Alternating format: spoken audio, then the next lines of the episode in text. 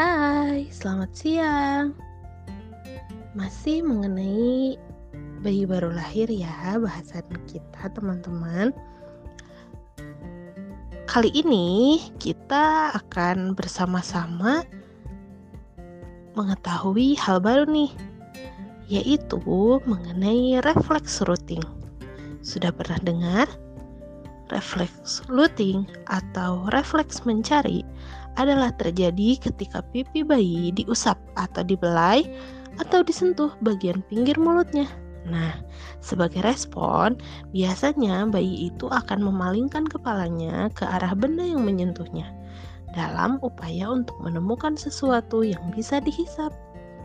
Jadi, refleks rooting ini biasanya sangat terlihat saat payudara ibu ada di dekatnya sehingga dia akan mencari di mana dan akan segera menghisap. Sekian untuk kali ini ya teman-teman. Selamat siang.